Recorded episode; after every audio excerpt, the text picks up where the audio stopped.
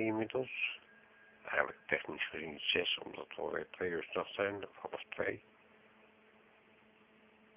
We vanavond zitten kijken naar de film 2012, de rampenfilm uiteraard.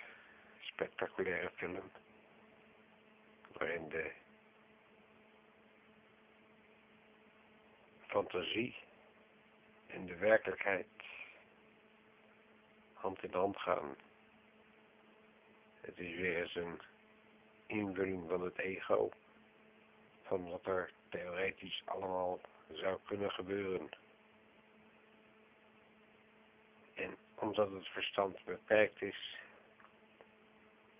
moeten ze voor het laatste stuk een slag daar slaan.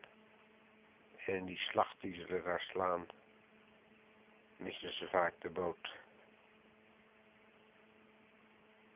Ik neem aan dat de luisteraars de film ook op zijn minst één keer gezien hebben. Ik zag hem inmiddels, denk voor de derde, misschien zelfs al de vierde keer. Ik vind het een fantastische film. Een hoop drama, een hoop spectaculaire special effects. En een hoop fantasie, zoals gezegd, maar ook een bepaalde hoeveelheid werkelijkheid erin. Ik heb de film gekeken met mijn 15-jarige dochter, die hem ook wel eens eerder had gezien, maar niet helemaal meer wist hoe het gaat aflopen.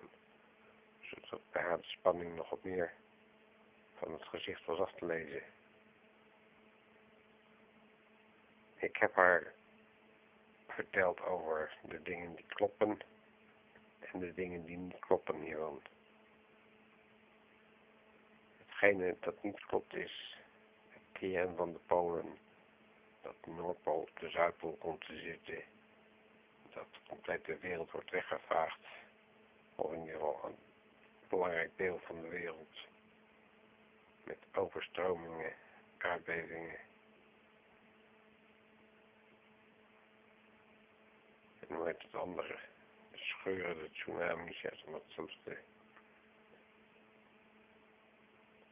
de, dingen die wel kunnen gebeuren en waarschijnlijk ook gaan gebeuren is de aardbevingen die nemen toe, de aardkorsten, de scheuren in de aardkorsten, waar we natuurlijk heel veel bebouwing op hebben gezet, waar heel veel mensen wonen, zodat er heel veel slachtoffers kunnen vallen.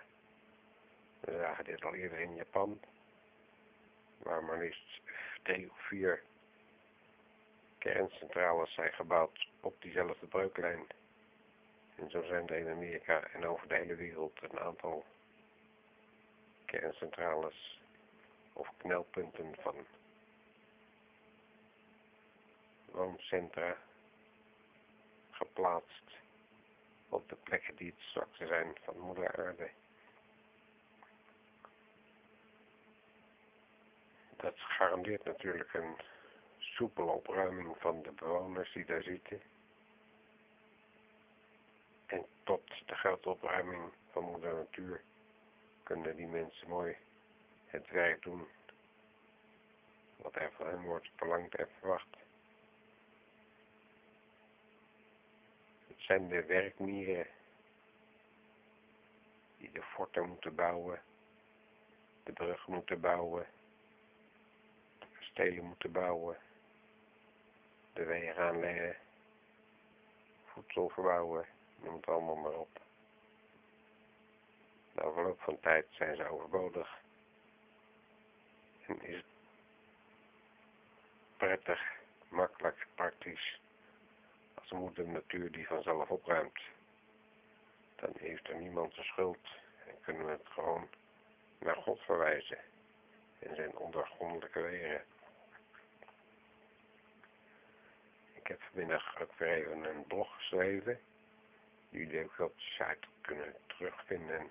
De link in ieder geval naar mijn huis. Uh, de blog heet vandaag de balans opmaken. Of balans opgemaakt. Van die geest. En daarom leg ik nog eens haar fijn uit. Hoe de paus als de grote slang over de wereld is gekronkeld, daar al 2000 jaar lang, als God wordt beschermd vanuit Rome en ons in zonde knecht, ons als slaven van het systeem gebruikt. Niet met intentie om het voor ons beter te maken, maar vooral om zelf een fijn leven te hebben. Fijn in weelde te kunnen leven. De superego's, de geïllumineerde, de gevallen slangen, zijn de landheren van diezelfde paus. En onze eigen koningin Beatrix is een grote vis in die vijver. We haten haar er niet om, maar we kijken wel met ogen naar haar stappen die ze zet in de wereld. En dat ze nu met haar griepvirus bezig is. Dat ze met Shell en het impregneren van hout ons op allerlei manieren aan de kanker helpt. Dat is natuurlijk niet vrij. Maar dat is wat zij meent dat goed is voor ons, of voor de wereld, of voor haar rijk. Is als de roker die best weet dat de sigaret schadelijk is, maar toch de roker stevig door, omdat het zo lekker is, of omdat het rustig maakt, of er komen altijd weer excuses voor de reden waarom degene doet wat het doet, het ego.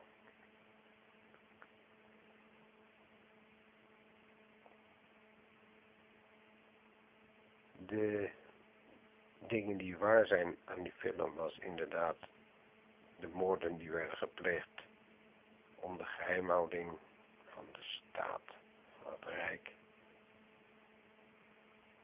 Dat soort dingen gebeuren in het echt ook.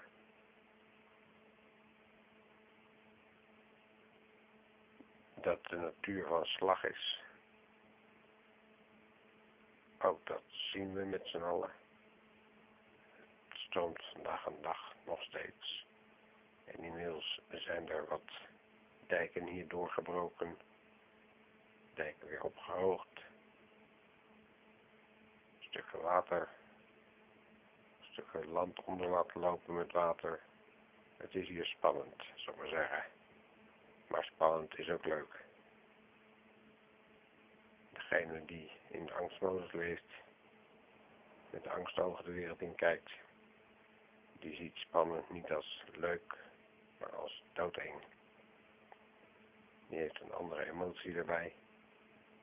En het ziet ook veel meer dingen in datzelfde bange licht. Degene die het spannend vindt, die met de ogen van de liefde kijkt, die ziet ook overal wel de zon doorbreken. Die denkt, ach, het waait het regent. Maar we zitten hier hoog en droog en de kachel brandt. Wie doet ons wat? En als we onderlopen, dan zetten we een leuk muziekje onder en gaan we zwemmen ten onder. Het maakt allemaal niet zoveel uit, want per definitie weet je dat wanneer het leven begint, je er op een dag eruit zal stappen. We leven om te sterven. Maar in de tussentijd proberen we er wel zo mogelijk uit te halen het beste van te maken en ons nageslacht zoveel mogelijk kans op een betere toekomst te geven. Dat het steeds een betere toekomst wordt, dat lijkt me iets wat de mens exclusief heeft. Want als ik naar het dierrijk kijk, dan is het vooral de overleving zelf die telt. En niet de opwaartse spiraal van dat leven. Of het nou de vogeltjes zijn, of de apen, of de vissen, of de insecten, of andere zoogdieren. Overleving is wat telt. De ijsberen gaan er niet een mooi ijspaleis van bouwen daar, door de eeuwen heen. De mens doet dat wel. Dat doet de mens omdat het zich bewust is van zijn vergankelijkheid en met hersens gezegend of gestraft is.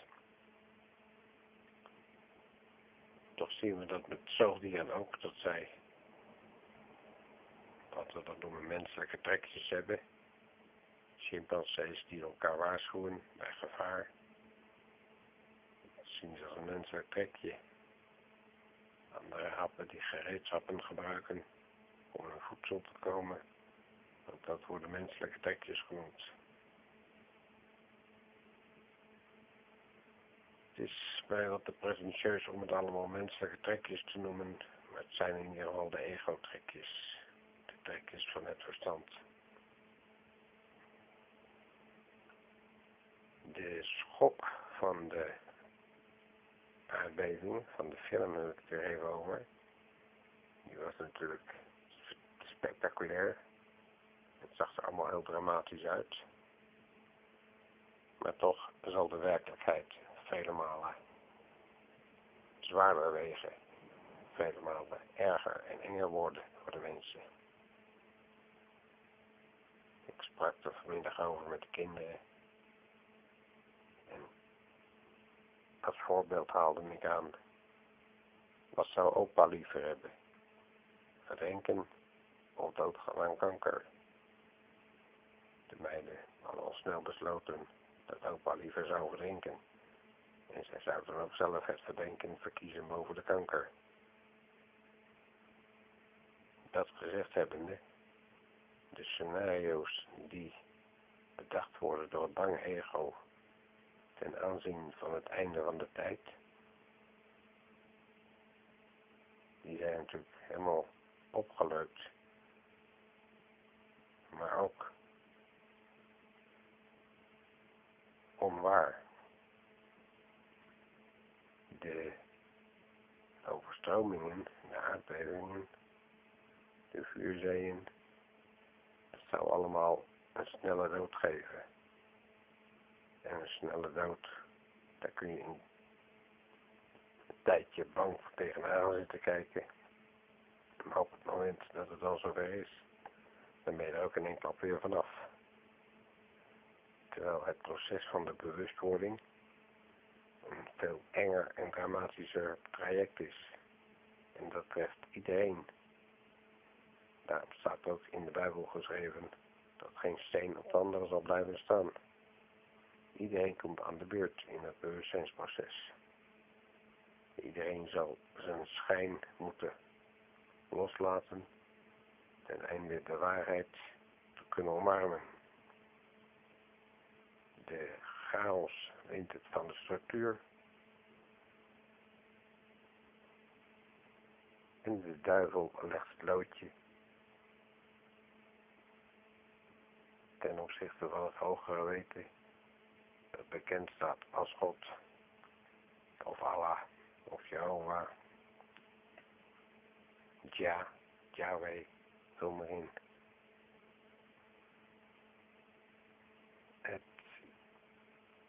Mijn 15-jarige begreep het wel. En legt het ook in haar eigen groep zelf allemaal uit. Hoe het allemaal gaat lopen. Ik kon haar vertellen dat hetgene de mensen het meeste gaan vrezen, is dat ik degene ben die de nieuwe norm stelt. Ik ben degene die normaal is aan het einde van de tijd iedereen die mij nu voor gek verklaart, iedereen die nu van mij afwijkt, heeft nog een hoop bij te schaven, totdat ze naar mijn model gespiegeld kunnen worden.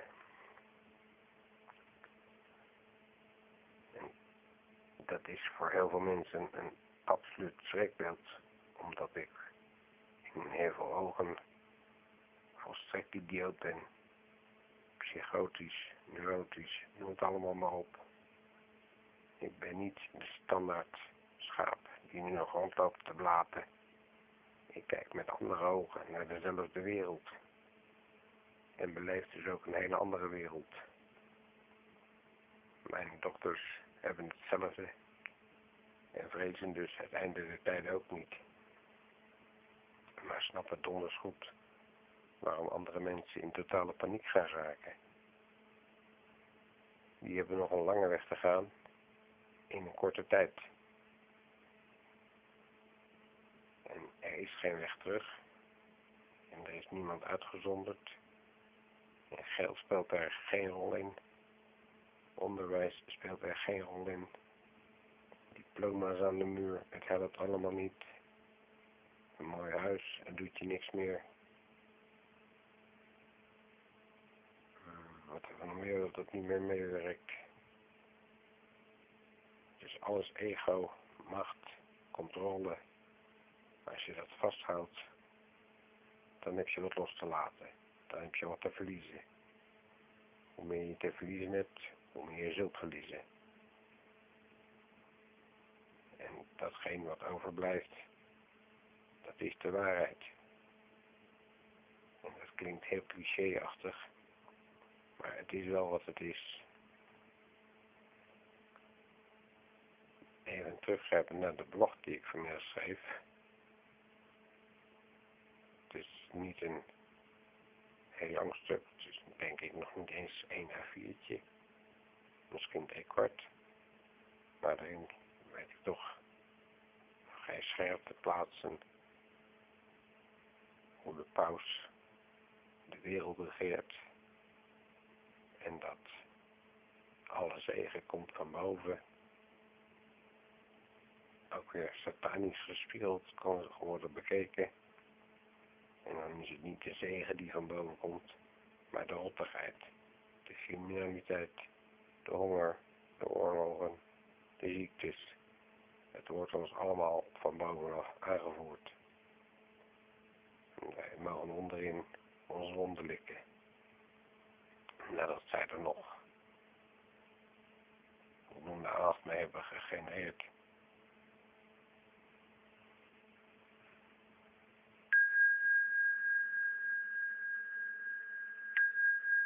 Even terug naar het midden.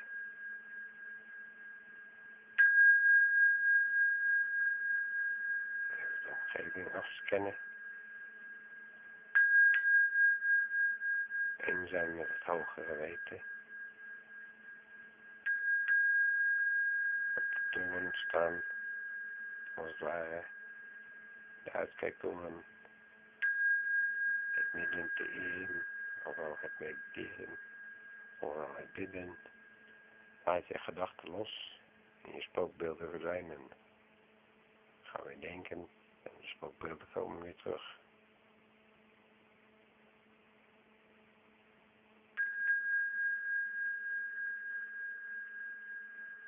Het is, als je het achteraf bekijkt, als je het allemaal weet, is het te simpel voor woorden.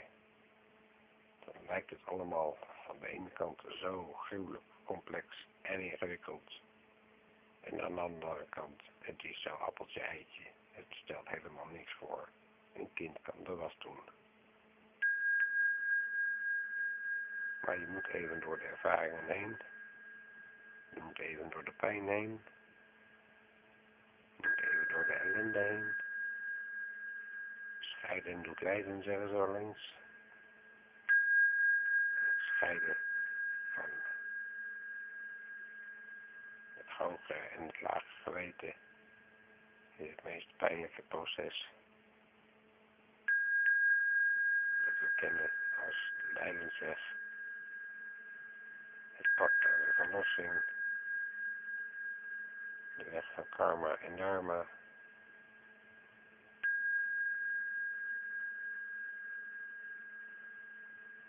Mis er nog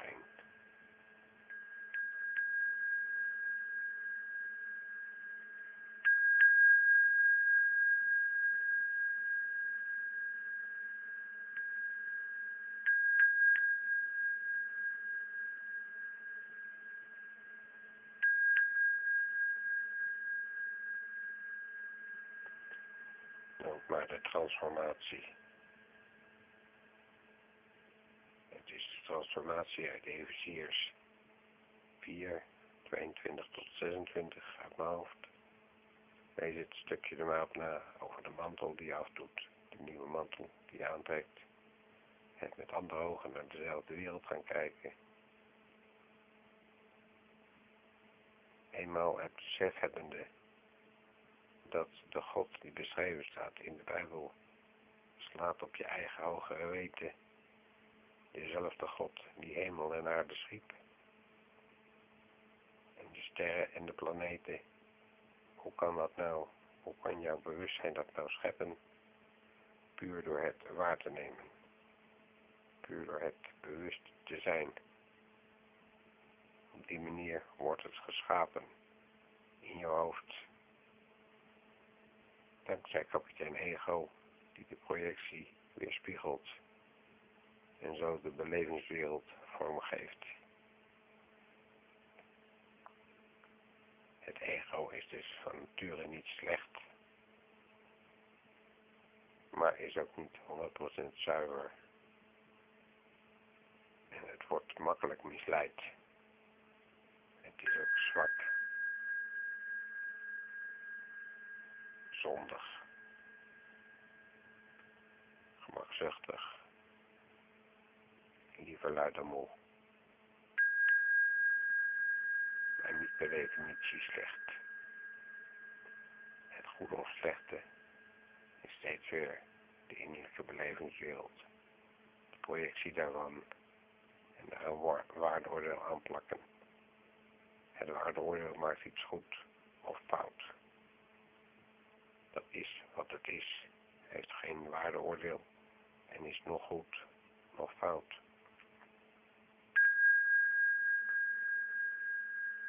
Als je het allemaal zo hoort, dan kan ik me voorstellen dat je er geen touw aan vast moet knopen. Maar dan ben je waarschijnlijk bezig om het met je verstand te behappen. En dat is dan net niet wat je moet doen. Je moet het gewoon absorberen, aanhoren en dan beklijft er vanzelf van alles in je hoofd. Wat je niet eens op dit moment bewust bent. Maar later wanneer het de tijd daar is. Wanneer tijd en plaats voor jou op de goede lijn staan. Dan vallen de kwartjes en dan snap je het. Dan ga je andere mensen vertellen hoe de wereld in elkaar steekt. En sta je versteld van de woorden die je zelf te werden brengt.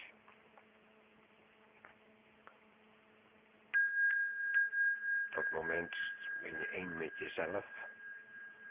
Zijn chakra's in lijn met de logos. De logos, je kruinchakra, die het hogere weten aanhaakt. En op die manier ben je dan getrouwd met God, zoals de Bijbel dat verkondigt. Loop je automatisch op het goede pad. Op dat moment is jouw kruis licht om te dragen. En niet in de oude wereld, want daar is het nog volop strijden. Want in de oude wereld wordt verkondigd dat de aarde plat is, terwijl die rond is. En als je de eerste bent die zegt dat de wereld rond is, dan ben je de grote gek. De gekken hebben het gelijk, maar pas achteraf. En als achteraf de gekken gelijk hebben gekregen, dat zijn al die anderen die zich nu nog normaal hebben gewaand, die zijn al feitelijk de gekken geworden. En dat is de omkering van de Polen, zo de Mark Lender, die ook heeft beschreven en zo die in de 2012 film vrolijk verkeerd werd geïnterpreteerd. Het is natuurlijk een spectaculaire gedachte als de Noordpool en de Zuidpool zouden omkeren. Als het hele aardbol zou overspoelen. Als al die mensen ten onder zouden gaan. Maar toch, het zou de milde variant zijn. De makkelijke weg en niet de oplossing en ook niet de waarheid die steeds weer in het midden ligt.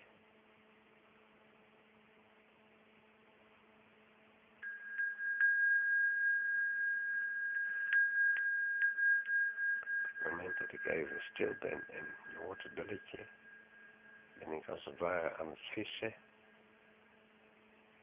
in de grote oceaan. Dan gooi ik mijn lijntje uit. Dan vang ik de prikkels op. De prikkels die nu bom de kerkklok twee uur doen slaan. Waardoor ik weet dat het half uurtje er ook weer op zit. Ik vind het wel een leuke traditie worden op deze manier. Dat we aan het eind van de avond even stilstaan met z'n allen. Even de dag doornemen. Hopelijk wordt trouwens mogelijk opgehangen. Hoe dat afgelopen gaan we later ook weer over praten. Je ziet nu al een hoop gaande in de wereld. Een hoop mensen staan doodsangsten uit. Andere mensen hangen de vlaggen vast uit. Twee kampen, de oude wereld en de nieuwe wereld. De ogen van de angst en de ogen van de liefde. Het hogere weten versus het lagere weten. Blijf alert. Ik kom voor morgen weer terug. Of zijn we, we zijn nog geen vrijdag. Morgen een vrijdag. Tot morgen.